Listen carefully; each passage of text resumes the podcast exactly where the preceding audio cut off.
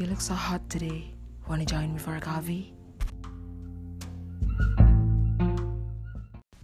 Oke. um, Wow. Tadi eh, agak geli sih sebenarnya itu. gue aja geli banget sih tadi, tapi pengen gue tambahin gini loh. Gitu. Iya, Biar karena- makin gross. Iya, karena pembahasan episode kali ini lumayan lumayan sebenarnya lumayan bikin mikir gitu sih sebenarnya. betul, betul. gue dan BT harus beberapa kali tiga menit sebelum kita take kita belajar untuk Cepet ya anjing. cepat cepat kita cepat anaknya sangat sangat tangkas Makanya pembelajar kita tangkas dan pembelajar loh mas Iya, Mas. oke Dari kemarin ada banyak yang nanya loh, ini masnya tuh siapa sih gitu masnya kan? unknown Oh unknown ya, no one padahal no one unknown. no one unknown no one itulah Iyalah pokoknya. Well, tapi Ya, kita nggak bakal dia- berdua doang. Oke, eh, tentu kali ini aja. ya. Kita bakal bawa dua orang expert, nggak wow juga sih. nggak juga sih temen ngobrol lah Temen temen diskusi temen tukar ini. pikiran Eh, buat ngomongin hal yang cukup sensitif sebenarnya ya. Tapi Yap, banyak yap. dialami sama orang-orang ya. Betul, tentu saja. Ini lumayan banyak yang kemarin cukup diminta juga beberapa pendengar Hmm, that's right. bikin pot bikin podcast. Bikin gitu. bikin. Sorry. So, well, Oke, well kayaknya kita langsung aja, langsung aja lah kita ya. Ada siapa? dengan Sangat Heboh ya. Heboh Oke, ya. Ada untuk Awe Happy. dan Happy. Nggak kompak anjir. Halo Awe dan Happy. Hai, dan Desi. Hai. Lo, lo pasti latihan kan berdua Latihan kan Untuk- pasti kan. ber- Satu, dua, tiga kita bareng-bareng kayak gitu Latihan kan? Enggak sih kita emang sehati. Oh, iya, oh Bang Sehati. Hmm, Oke, baik. emang kompak ya. Gimana nih apa kabar nih? Baik. Baik ya. Alhamdulillah. Alhamdulillah. Alhamdulillah. Lagi sibuk apa nih? Kalian di Kalian di pedalaman mana sih? Jauh ya. gue. Jauh ya. Ini lagi sibuk apa sih Awe dan Happy nih sekarang? Kita ini lagi jadi guru bantu. Kita lagi ada di eh, di daerah perbatasan. Mungkin teman-teman eh, pernah dengar namanya Maluku Barat Daya. Wow. So far away. Jauh ya. Australia dan Gimana?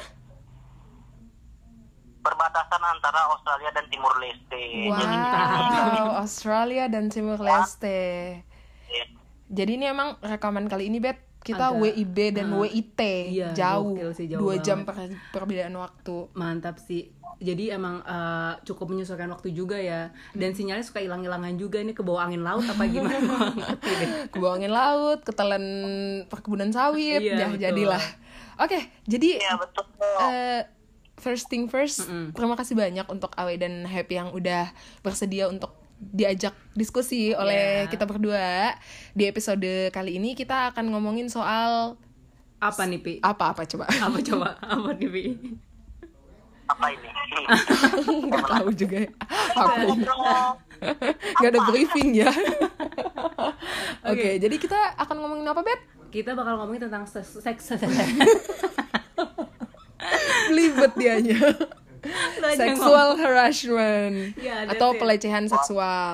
Wow, it's deep ya, Ah, deep iya, talk banget deep, deep, ya. deep. Ini deep, bakalan deep. Karena kenapa harus ada cewek dan cowok? Kita mau dengar perspektif antara uh, Bang Awe sebagai seorang lelaki dan Happy sebagai lo apa sih Beb? cewek atau cowok sih? Tidak. Menarik ya pembahasannya. Wait a second. Deep ya. Gue pengen nanya sih sebenarnya. Suara kita tuh ketinggalan apa gimana sih? Kok dijawabnya kayak udah beberapa menit baru kejawab gitu loh. Iya. Iya gitu tuh kayak menyimak ini pembicaraan yang hangat banget. Oke, baik. Di podcast. Keren banget gak sih? Oke, baiklah. Oke. Jadi apa tadi kita ngajakin Bang Awe sebe- eh, ingin mendengar perspektif sebagai seorang eh, lelaki gitu memandang seksual harassment dan pengen mendengar juga perspektif dari seorang happy yang sangat cadas ini gitu loh. Ah, cadas. Batu cadas. Dia ketawa dong. Ini makanya perspektif Oh menyimak. Oh, menyimak. Kacau sih. Sorry ya bikinnya emang kayak gini. Oke langsung aja Bet. langsung aja Nanya ya. apa Bet? Kalau gue sih pengen nanya sih sama Happy sama Awe, mungkin nanti bisa jawab gantian. Kalau menurut kalian tuh uh, pelecehan seksual atau sexual harassment itu menurut kalian tuh apa sih? Anjay. Dari siapa Happy dulu? Um, kalau dari sudut pandang gue ya pikirnya dan emang rasanya sexual harassment itu memang segala bentuk tindakan ya segala bentuk tindakan yang um, terindikasi membuat seseorang itu tidak nyaman. Dan khususnya dalam kasus ini tuh secara seksual gitu. Baik itu verbal baik itu uh, tindakan secara langsung kayak gitu. Jadi segala macam tindakan yang bikin kita uncomfort aja gitu Oke. Betul banget sih karena ada lain antara sexual harassment dan sexual rapist. Ya. Jadi Oh. bahkan sesuatu hal yang membuat wanita tidak nyaman seperti catcalling atau membuat menggoda perempuan sehingga perempuan merasa terancam itu bisa dikategorikan sebagai sexual harassment. Oke. Wow, lu baca Mereka kayaknya baca, Baca jurnal ya, dulu baca jurnal ya. sebelum meanwhile kita apa? Dan gimana Pi? Ya jadi intinya tuh kayak mungkin di kehidupan kita itu pelecehan seksual tuh ya segala macam tindakan aja kayak sesimpel kayak lo tau gak sih kalau anak SMA cutek kayak gitu-gitu loh kayak misalnya mengeluarkan uh, kata-kata yang maybe we think it's compliment gitu ya kayak hey Oke. baby gitu kan atau Oh, cantik iya. cantik batu gimana gitu atau apa ya segala macam itu yang buat uh, kayak gue pribadi juga itu ngerasa sangat tidak nyaman sih itu tetap masuk Iya. dalam pelecehan seksual Betul banget sih karena sekarang itu kan perempuan sering kali digodain oleh laki-laki. Karena sebenarnya kita ingin hidup di dunia di mana perempuan tersebut bisa jalan keluar dan merasa aman. Karena sebenarnya kayak yang women don't need men to protect them. They just Wow. need men to not. Kita hanya butuh bagaimana laki-laki tersebut tidak membahayakan perempuan dan diperlukan sekali pendidikan kepada laki-laki bagaimana mereka tidak membahayakan perempuan begitu. Exactly. Karena kayak Oke. beberapa lelaki memikirkan bahwa itu adalah sesuatu hal yang wajar ketika perempuan memakai pakaian yang mengundang segala macam dan dia merasa itu suatu pembenaran untuk dia melakukan suatu sexual harassment. Sebenarnya kayak perempuan itu mempunyai kebebasan memakai apa pun yang dia ingin pakai asalkan dia bertanggung jawab. Dan it is not women job to make men understand. Tapi kayak bagaimana men tersebut harus respect the woman kayak gitu. Oke. And the next thing kalau- kalau kita lihat ya kenapa sebenarnya sexual harassment ini sangat sangat terutama catcalling atau laki-laki yang harming the woman itu sebenarnya terjadi karena kultur kita yang kita bilang dengan toxic masculinity. Wow. Masculinity. Oke oke oke. Nice nice nice Iya. perspektif benar. Jadi kalau menarik Menarik itu menarik itu aku mau jelasin ini ya. Kayak dong. kayak Wait a second. Oke, wait a second. Kalau kamu nggak cewek, kalau Uh-huh. kamu nggak nggak berani ngomong sama cewek cantik, kalau kamu nggak berani bilang sweet sweet, berarti kamu nggak manly enough kayak gitu. Oke. Sehingga banyak laki-laki ini kayak oh it's I mean like it's justify for me to do that kayak itu. It's the manly thing. Kayak mereka tidak berpikiran bahwa sebenarnya perlakuan mereka tersebut bisa membuat perempuan tidak nyaman begitu segala macam. Oke oke, aku langsung nyambung nih. Tadi kalau kata Bang Awe kan eh, ini kebanyakan cewek, kebanyakan cewek. Nah ternyata tadi kita sempat baca ya Bet ya, ada research dari eh, YouGov Omnibus di tahun 2019. Itu eh, state kalau bi- eh, perempuan Indonesia itu lebih banyak mengalami pelecehan seksual dibandingkan laki-laki. Berapa perbandingannya Bet? Kalau nggak salah, nggak nggak benar-benar. Tadi kalau menurut researchnya itu uh, perempuan tuh mengalami sexual harassment itu sekitar 31%, sedangkan laki-laki cuma 7%. Wow, jauh banget. Jauh banget. Uh, dan ternyata dari lima kasus pelecehan seksual cuma dua yang dilaporkan, Ah, gitu. Nah jadi kalau misalnya tadi eh, ternyata laki-laki juga ada 7% itu menurut gua bukan angka yang kecil ya untuk kasus pelecehan. Nah tadi mungkin udah sempat disinggung nih sama Happy tadi ada beberapa jenis-jenis eh, pelecehan seksual yang termasuk ya yang physically dan juga verbal gitu Iya, ya. iya, iya. Nah eh, kalau Bang Awe me- menanggapi nih research dari You- YouGov Omnibus tentang ternyata 7% loh laki-laki di Indonesia juga juga ngalamin pelecehan ngalamin seksual. sexual harassment gimana nih sebagai laki-laki yang hidup di Indonesia gitu Bang Awe gimana menanggapi ini Pertama aku menanggapi hasil itu wajar ya, karena kayak culture di Indonesia kita ini adalah mereka melihat perempuan itu sebagai objek. Jadi kayak yang mereka melihat perempuan itu is not as human, tapi kayak kalau bahasa kasarnya pelacur berjalan kayak gitu. Sehingga Oke. kayak yang sering terjadi pelecehan seksual. tetapi tidak menutup kemungkinan laki-laki juga bisa dilakukan mendapatkan pelecehan seksual karena we're talking about sexual harassment. Oke. Kita not only sexual of women, but it's sexual of abuse. Kayak it can happen to anyone kayak gitu. Pertanyaannya adalah kenapa laki-laki tersebut hanya sedikit uh, yang terlaporkan di abuse? Karena kayak most of the time ketika seorang laki-laki tersebut mereka di harass, they are tend to diam, keep silent, tidak berbicara kepada publik karena mereka ashamed kayak gitu. Karena kayak many men getting harassment in their job, their abuse in their childhood dalam masa kecil mereka, tapi kayak they are not able to speak up. So we need to educate. Kita harus men kita harus ya. mengedukasi masyarakat kalau sebenarnya apa pun dan gender apa pun seksual harassment tersebut tidak boleh dilakukan kepada siapa pun Oke. selama selama itu membuat orang lain tidak nyaman. Oke, Oke. speaking of sexual harassment of men, ini ada sesuatu yang menarik nih, tapi eh, Kiki sama Betty. Jadi kayak yang kemarin-kemarin ini kan lagi lagi viral nih, no Indonesian woman. Ya, Oh iya karena- iya, Kenapa? Mm, tahu. Ya, karena saya ngerasa kalau perempuan Indonesia ini mereka sering mengharas laki-laki luar kayak gitu. Ya, pernah dengar nggak? Oke. Pernah pernah Jadi pernah kemarin sempat heboh gitu. Apa-apa Korea gitu kan, Bang? Enggak, yang bule-bule itu Iya, loh bule-bule sempat juga kan. nge- ngeblok semua cewek Indonesia. Oh iya. Cewek perempuan ini di aplikasi pencari pacar, mereka ngedet, mereka ngechat laki-laki bule, laki-laki luar negeri segala macam, tetapi mereka nge-screenshot, mereka nge-share gitu kan. Jadi kayak mereka itu nge-publish hubungan mereka sama si laki-laki ini. Oh, lihat nih aku apain sama si cowok eh, si cowok bule segala macam sehingga hal tersebut membuat si laki-laki ini nggak nyaman kayak gitu. Mm-mm. Karena sebenarnya si perempuan ini juga harus menghargai privasi si laki-laki tersebut kayak gitu. Hanya karena si laki-laki tersebut ini tampan atau good looking, it doesn't mean that it is okay for you to say that hal tampan, oh gue lagi dekat sama dia, sementara Hmm, that's dia tersebut iya akan iya iya. tidak Oke, nyaman oke. begitu. Jadi kayak there is a double standard here gitu loh kayak yang it is okay for women untuk nge-flirting laki-laki tapi kayak ketika laki-laki nge-flirting perempuan itu dianggap suatu suatu harassment. Ya. Dan sebenarnya kayak kita harus menetralisir semua hal tersebut kayak gitu. Iya. Tidak hanya itu terjadi di antara gender, misalnya kayak ke perempuan pun itu terjadi suatu double standard. Contohnya begini, kalau si cewek ini digodain sama cowok yang jelek, itu harassment.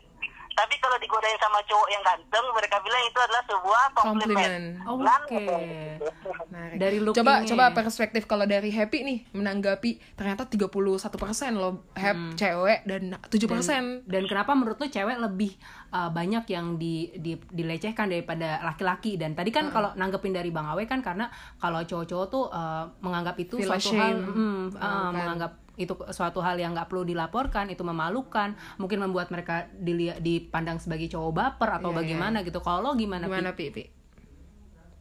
Iya, kalau misalnya sebelum kita masuk ke persentasenya ya, kenapa bisa terjadi dua belah pihak? Menurut aku, ya memang pelecehan itu tuh tidak memandang gender gitu, and just juga gitu, justice itu has no gender. Jadi kalau misalnya kita bilang pelecehan itu bisa terjadi ke perempuan aja ya enggak gitu. We are not only victim, tapi juga pelaku. Apalagi selain eh, kasusnya di Indonesia ya, beberapa tahun yang lalu tuh juga ada sempat nih yang lagi hit di Eropa. Terus kemarin tuh yang lagi mungkin teman-teman ngikutin yang Asia Selatan punya India Pakistan tuh angka eh, pelecehan bahkan pemerkosaan untuk perempuan dan bahkan di bawah umur itu tuh tinggi banget gitu. Jadi sebenarnya kenapa bisa terjadi kedua belah pihak? Ya karena memang manusiawi itu bukan bukan hanya perempuan, tapi kenapa persentasenya bisa lebih banyak perempuan? Ya balik lagi ke our misalnya patriarchy culture, toxic masculinity. Kayak laki-laki itu memang merasa lebih punya power untuk melakukan itu kepada perempuan, gitu kan ya? Oh, iya, Yang iya. kedua, yang kedua kita sebagai perempuan itu juga punya seribu satu alasan dalam eh, merespon gitu ketika kita mendapat harassment itu sendiri. Contohnya kayak ada yang memilih untuk diam, ada yang memilih untuk melaporkan, ada yang memilih untuk bercerita, bahkan ada yang nganggap itu hal yang biasa aja. Iya, iya. So it doesn't exist gitu karena itu berkembang karena tadi beberapa orang menganggap itu komplimen jadi orang-orang mikir oh ya gue cakep nih makanya nih gue dipuji-puji Iya, iya, nah iya. masuk lah nih kita ke standard tadi kayak laki-laki yang memuji itu kan ganteng nih. Ya udah gue bangga bangga aja. Tapi kalau dia nggak ganteng-ganteng amat oh gue di like ya gitu kan ya. Kalau yang godain kayak potongannya Keanu Reeves kayak oh ya udahlah Atau he compliments me. gitu kan. Iya, tapi kalau yang misalnya ini dianggapnya itu pelecehan. Tapi eh, ngelanjutin ngelanjutin researchnya eh, YouGov tadi tuh ternyata alasan teratas kenapa orang-orang ini memilih diam tidak melaporkan adalah mereka merasa itu sebuah aib gitu loh. Sebuah aib Iya. nggak usah dilaporin. Kemudian disusul dengan eh, ketakutan disusul dengan eh, apa ya eh, they think like like no one cares gitu. Nggak akan ada yang peduli. Ada cultural uh, pressure juga. cultural pressure. Kemudian ya apa ya merasa kalau mereka akan digaslighting gitu loh. Disalahin kayak lo Salah sih lo, busana cakep lo." atau lo sih busana lo dan danan mengundang." lo ya. Gitu atau mungkin gaya jalan lo atau apalah yang di Mm-mm. gimana tuh? Mungkin happy dan awe melihat dan hal tersebut. ini ya maksudnya kenapa mereka diam itu tuh atau kenapa kita lah? Kan gue juga perempuan ya. Jadi kita tuh kan pertama nganggap itu tuh aib ya. Yang kedua memang pada dasarnya um, it comes for apa ya intersubjek intersubjectivity yang ada di negeri ini. Jadi kayak Oke. ya udah kalau lo dapat kayak gitu ya udah lo introspeksi aja gitu lo kenapa gitu kan. Padahal sebenarnya korban itu tuh nggak harusnya diperlakukan gitu. Nah kita akan nanti itu ngarahnya ke uh, kebijakan kita bawanya tuh ke wadah organisasi kayak misalnya di Indonesia tuh ada Komnas HAM Iya. terus kita ada Women Crisis Center terus kalau misalnya kemarin tuh di Malang uh, kayak gue kan ngediriin salah satu um, apa ya organisasi atau uh, namanya Baras Sri Kandi jadi memang komunitas ya. ini untuk perempuan dan anak yang memang kita bakal discuss gitu loh kalau ada hal-hal yang kita koordinasi sama kayak perempuan bergerak Malang, perempuan bergerak Jawa Timur dan Oke. di situ kita betul-betul bicara tentang hal-hal yang dianggap tabu. Nah supaya apa? Supaya kita tuh nggak diam karena silence is not the answer gitu kan ya. Betul banget sih. Jadi kayak alasan kenapa itu semua tidak di blow up karena the victim are afraid kayak mereka akan dijudge. Tapi sebenarnya Pi, itu kayak udah di empower sama sosial media. Iya. Pernah dengar Oke. Me Too movement nggak? Ya. Ah, Iya. Me Too Iya. movement itu kayak Too movement. dengar kayak yang semua victim dari sexual harassment mereka trying to speak up. Yes. Dan Hmm, itu betul. kayak yang hanya beberapa orang saja tapi kayak prominent person kayak artis segala macam yes mereka politik kayak gitu. Even if that I get arrest, mereka bicara di sosial media dalam hal ini Twitter dan banyak netizen-netizen yang membantu mereka untuk membawa kasus ini ke ranah hukum kayak gitu. Because the purpose ini bukan sebenarnya uh, trying to untuk membuat antagonize men, tapi we are trying to helping the victim.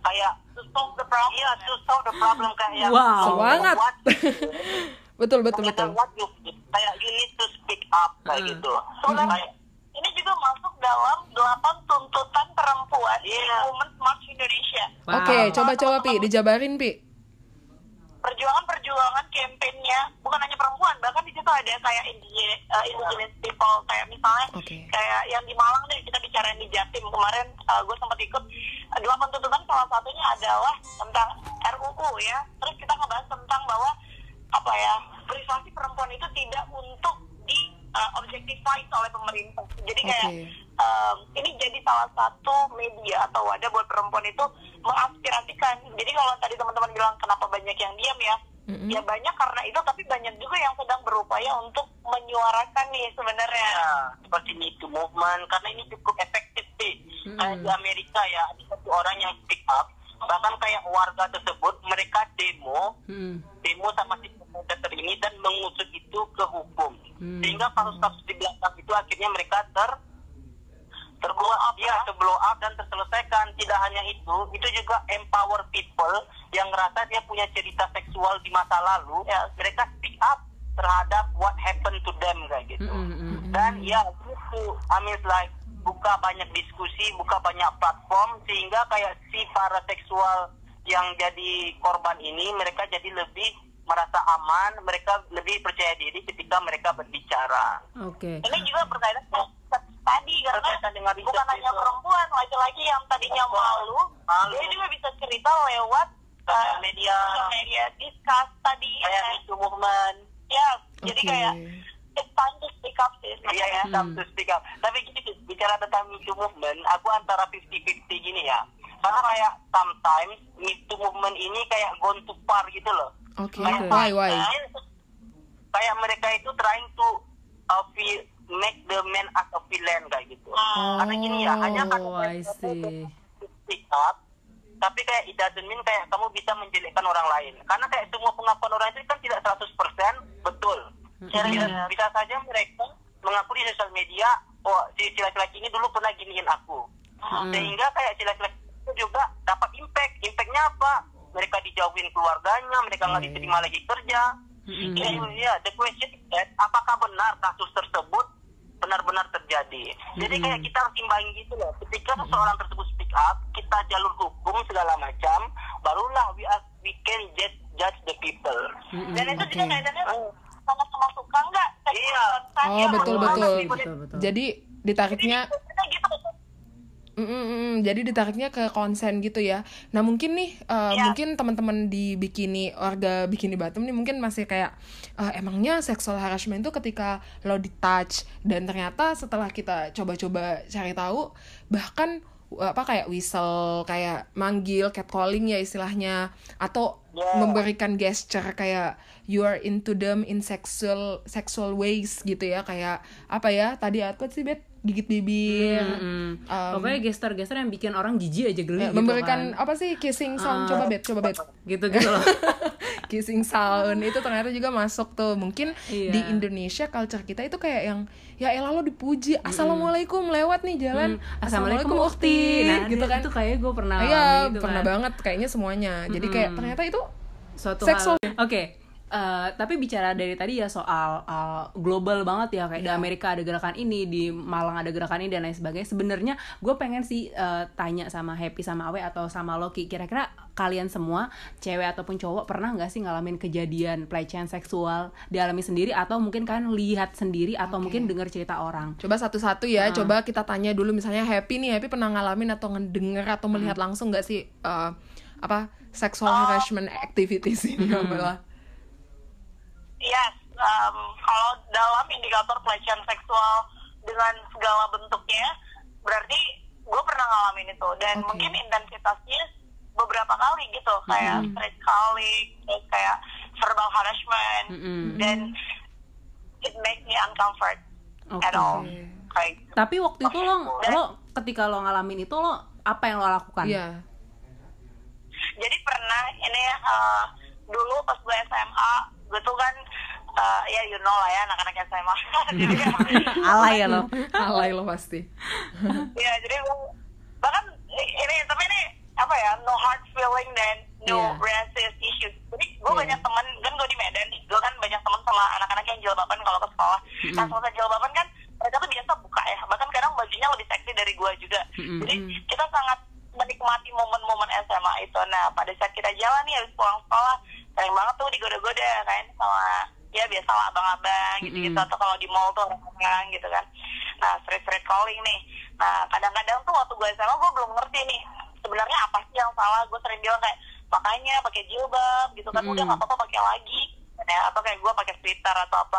Sampai akhirnya gue berpikir bahwa ya itu bukan masalah lo ngecover diri lo kayak gimana tapi itu masalah apa kayak gitu orang bilang tuh bukan karena rok mini tapi otak laki-lakinya yang mini gitu kan ya. Mm. nah jadi gue mikir kayak belajar lagi lebih dalam belajar lagi gue belajar tentang apa buku-buku Judith Butler Hmm, atau harassment research dan lain-lain. Akhirnya pas uh, mau mau ke sini nih satu kali ada hmm, kemarin tuh udah agak lama sih ada bapak-bapak gitu megang tangan gue jadi awalnya dia ngobrol Mm-mm. terus ngobrol dia minta nomor HP gue nih. Heeh. gue nggak ngasih gue nggak ngasih terus dia bilang minta minta aja gitu. Nah kita ini memang ada kebutuhan nih di pendidikan gitu ya. Cuman kan gue merasa gue nggak perlu ngasih nomor HP gue kalau juga gitu ya. Iya. terus karena gue nggak ngasih nomor HP gue ke dia dia bilang kalau eh, apa nanti dia bakal nemuin gue gitu kan. Wow. Eh, yaudah gue bodo amatan aja gue mau cabut. Terus dia nahan tangan gue nah mungkin hal yang biasa ya orang-orang mikir ya wah, ya udah sih cuma tangan gitu ya. Iya, iya. saat itu juga gue tangan gue terus gue teriak terus gue tunjuk bapak-bapaknya karena gue udah Oh. emosi banget nih karena udah sopan menurut gue gue bilang Pak saya nggak nyaman ya dipegang-pegang sekali lagi bapak itu saya lapor gitu kan. Mantap uh, hidup happy. Terus iya benar. bapak-bapak yang sebelahnya tuh langsung kayak refleks gitu kayak mbak biasa aja gitu kan ya. Kayak mbak kenapa? gitu kan. Ya saya nggak suka dipegang-pegang gitu kan. Terus kan orang-orang bingung lah ini anak kenapa nggak diapa-apain gitu kali pikirnya ya. Nah itu gue lagi naik satu apa transportasi gue lapor ke ininya ke yang bawanya. Oke. Jadi kayak ya gue lagi naik salah satu transportasi umum gue langsung lapor pak tadi saya dipegang gitu. Apanya mbak? Tangan saya yang kiri dipegang. Ya cuman tangan tapi saya nggak nyaman gitu iya kan. iya betul. Nah memang setelah itu tidak ada yang gue sesalin tidak ada proses lanjutan ya. Entah ada teguran atau entah ada apa gitu. Tapi gue ngerasa puas sama diri gue sendiri karena gue bisa protect myself gitu loh. Kayak oke. gue ngerasa nggak nyaman dan gue bisa bentak tuh bapak-bapak yang Mm-mm. mungkin umurnya sama kayak orang tua gue tapi gue bener-bener kayak bentak kayak gitu. Gue kayak puas aja sama diri gue bodoh amat Betul, gitu. betul, betul, tapi betul, kan nggak betul. semua orang punya keberanian yang sama gitu Iya, kan ya. iya iya That's iya iya. pengalaman seksual ini tuh harus dibagikan atau mungkin diselesaikan dengan caranya masing-masing itu sih kalau gue Iya, ya betul betul Hmm. kalau kalau bang Awe gimana nih kalau bang Awe Pernah nggak pernah ngalamin nggak Kalau ngalamin sejauh ini rasanya belum pernah ya. wow Tapi kayak- that's Kalau misalnya tentang pelecehan terhadap laki-laki, aku pernah lihat di teman aku ya. Heeh. oke Tapi itu dalam hal verbal yang juga impact kehidupan dia. Oke. Jadi kan ada teman aku nih, tapi ini kan mungkin pembawaannya agak sedikit flamboyan segala Oke, macam. Tapi hanya karena pembawaan orang tersebut flamboyan, itu bukan berarti kamu punya hak untuk ngata-ngatain dia, bilang dia sebagai gigolo segala macam. Mm-mm. Jadi teman aku ini waktu dapat, ini kasusnya adalah di institusi kampus.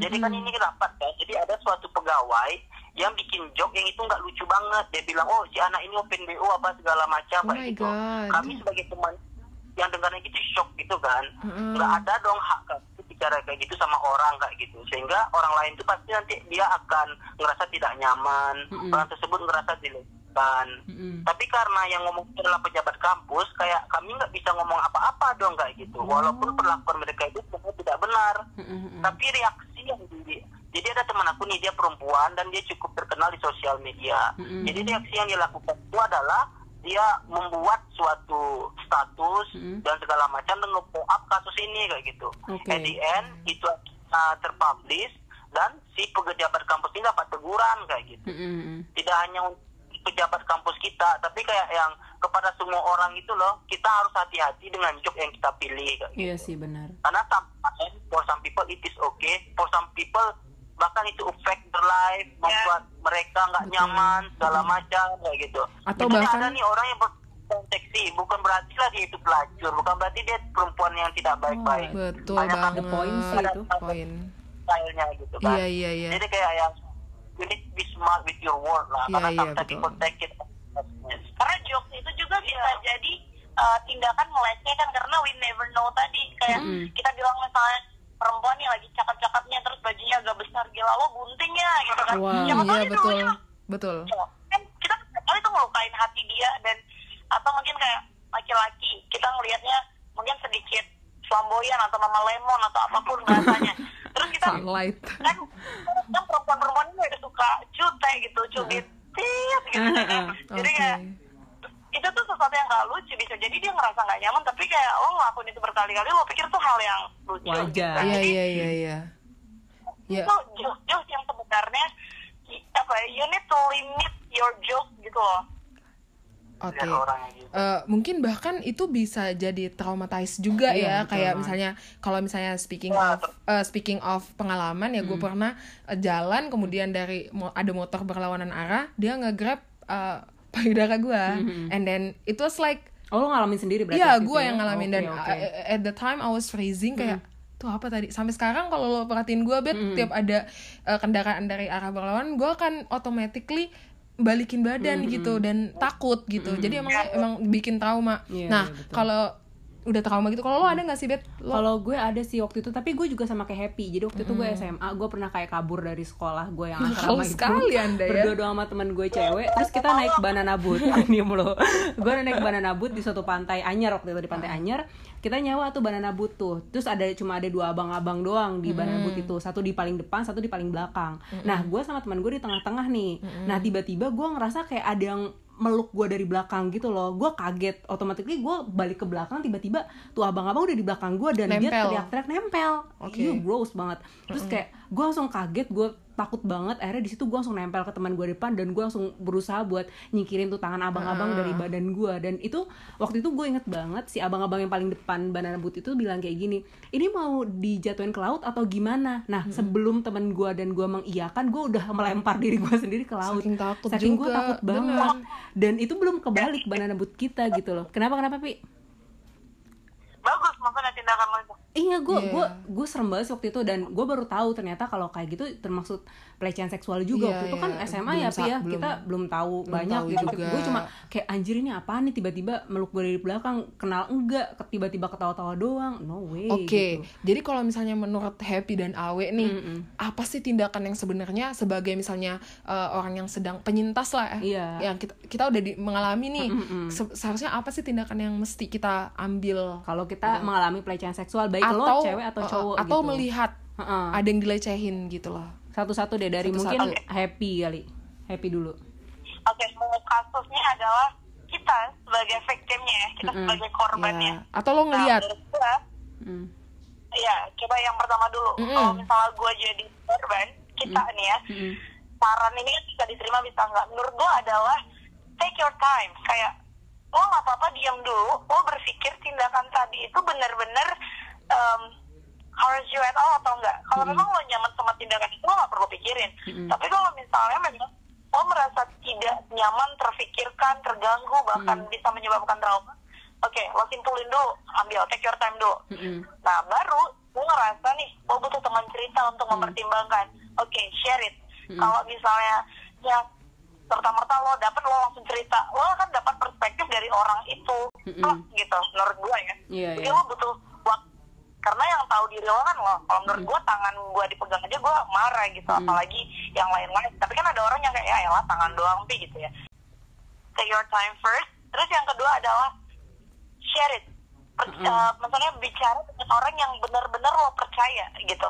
Oke. Dan apa dengan kita bercerita itu memang gak sepenuhnya langsung solve the problem, tapi at least itu bisa decrease gitu kayak itu bisa ngurangin rasa sakit atau tidak nyaman yang lo semua rasa gitu. Jadi setelah lo berpikir sendiri, lo cerita sama orang.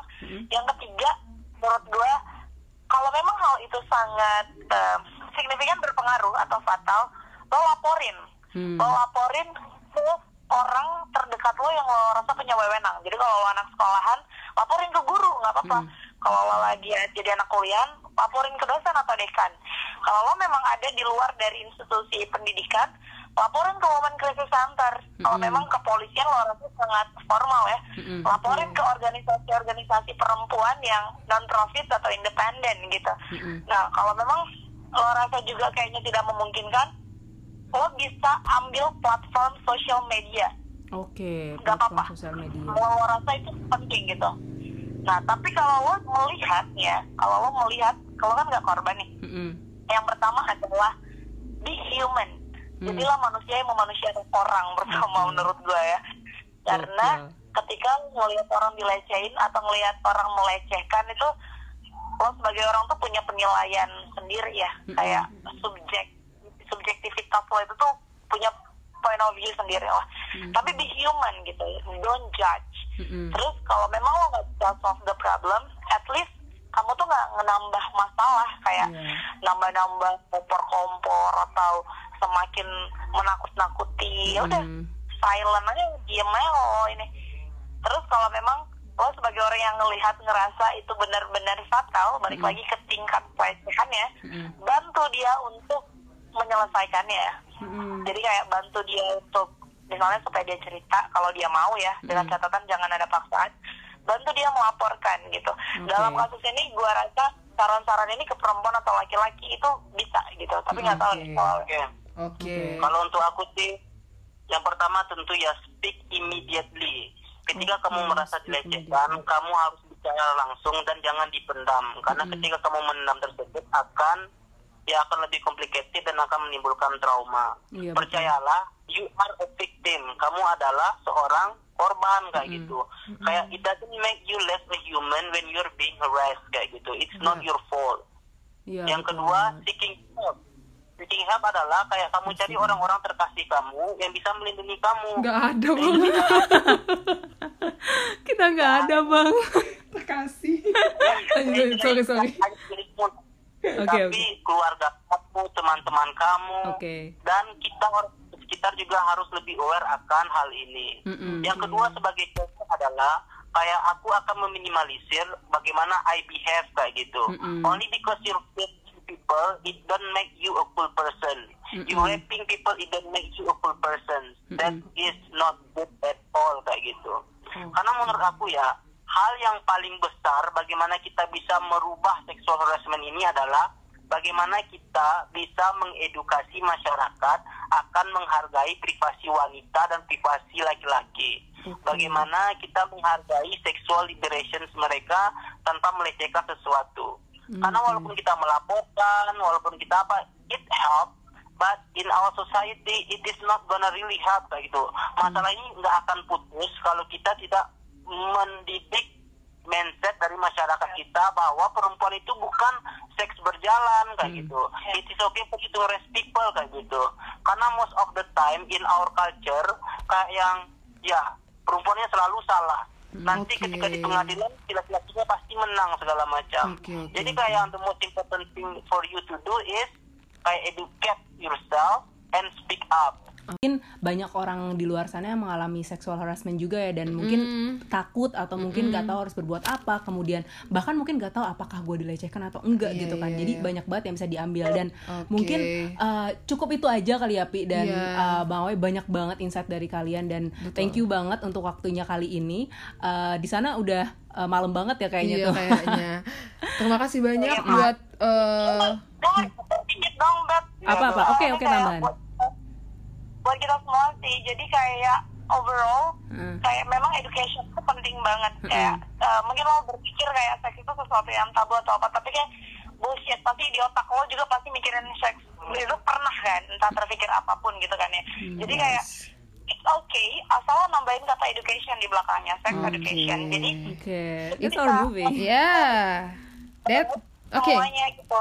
Aha. Jadi kayak gak apa-apa banget kalau lo nongkrong sama temen lo bicara tentang ih kenapa ya eh, misalnya kayak apa sih ciri-ciri kanker payudara misalnya Hmm, gitu iya, atau kayak betul, betul. ih kenapa ya misalnya eh, bagian leher gue sakit gitu cupanya Iya, itu tuh iya, apa iya. sih gitu Betul. kalau mendapat tindakan-tindakan itu lo tahu kalau itu tuh sesuatu eh, misalnya kayak sexual things yang harm human Iya. gitu Iya iya itu iya gak apa-apa iya. banget Sex Oke. is normal dan belajarlah gitu sih Bisa Iya terakhir iya nih, iya. please. Iya iya. menambahkan kalau edukasi itu penting kan ya karena terkadang si laki-laki ini tidak tahu apakah dia melecehkan atau tidak ya karena kadang kayak dia ngomong sesuatu dia pikir itu benar kayak gitu jadi kayak we also edu- need to educate both sides kayak gitu loh oke Iya Bahwa betul betul benar. betul betul. not only the woman but the Iya, man not also. only the women but also the- intinya adalah edukasi society kita semuanya. betul. Dan ada loh sebenarnya series dari Netflix yang bagus banget udah season 2 sekarang Iya. Sex Education. Itu gua sama Betty baru namatin di Netflix. Itu seru banget dan Seru kita banget lagi dan nungguin, nungguin season, season 3 tiga. dan itu keren. banget. Oke deh, eh, thank you banget untuk Bang Awe dan Happy. Terima kasih udah eh, diskusi Oke, oke, terima kasih banyak udah diskusi bareng Bikini, bareng Betty dan Kiki. Eh, makasih banyak. Eh, dan see you next time mungkin kita bakal ngobrol-ngobrol lagi Betul, kali betul, ya seru betul. banget sih kayaknya Oke. berapi-api banget iya, kali iya, ini betul banget. thank you so much Thank you Happy dan banget. Awe Happy dan Awe, Bye. bye.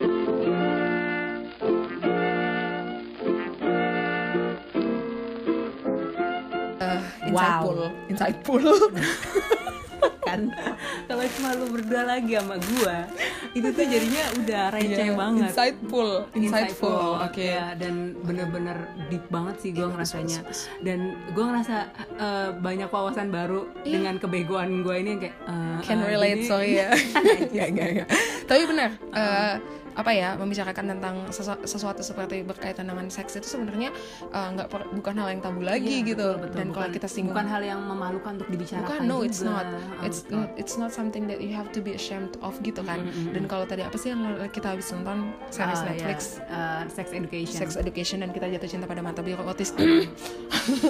Oke dan it's it's not kita komplimen ya dia Iya. ganteng gitu. Dan Tuhan lu membenaran. Oke, hati-hati bener sih tadi ada bener, beberapa poin sih yang gue Iya. tangkap dari Happy dan Awe. Jadi kalian okay. dengerin aja lah iya. sendiri yeah. kita malas Oke okay deh, thank you, thank you so uh, untuk, untuk mendengarkan kita. episode kali ini. Mm. Uh, ketemu lagi di Bikini. Betty Kiki menemani di sini di episode Dadah. selanjutnya. Assalamualaikum. Mm-hmm.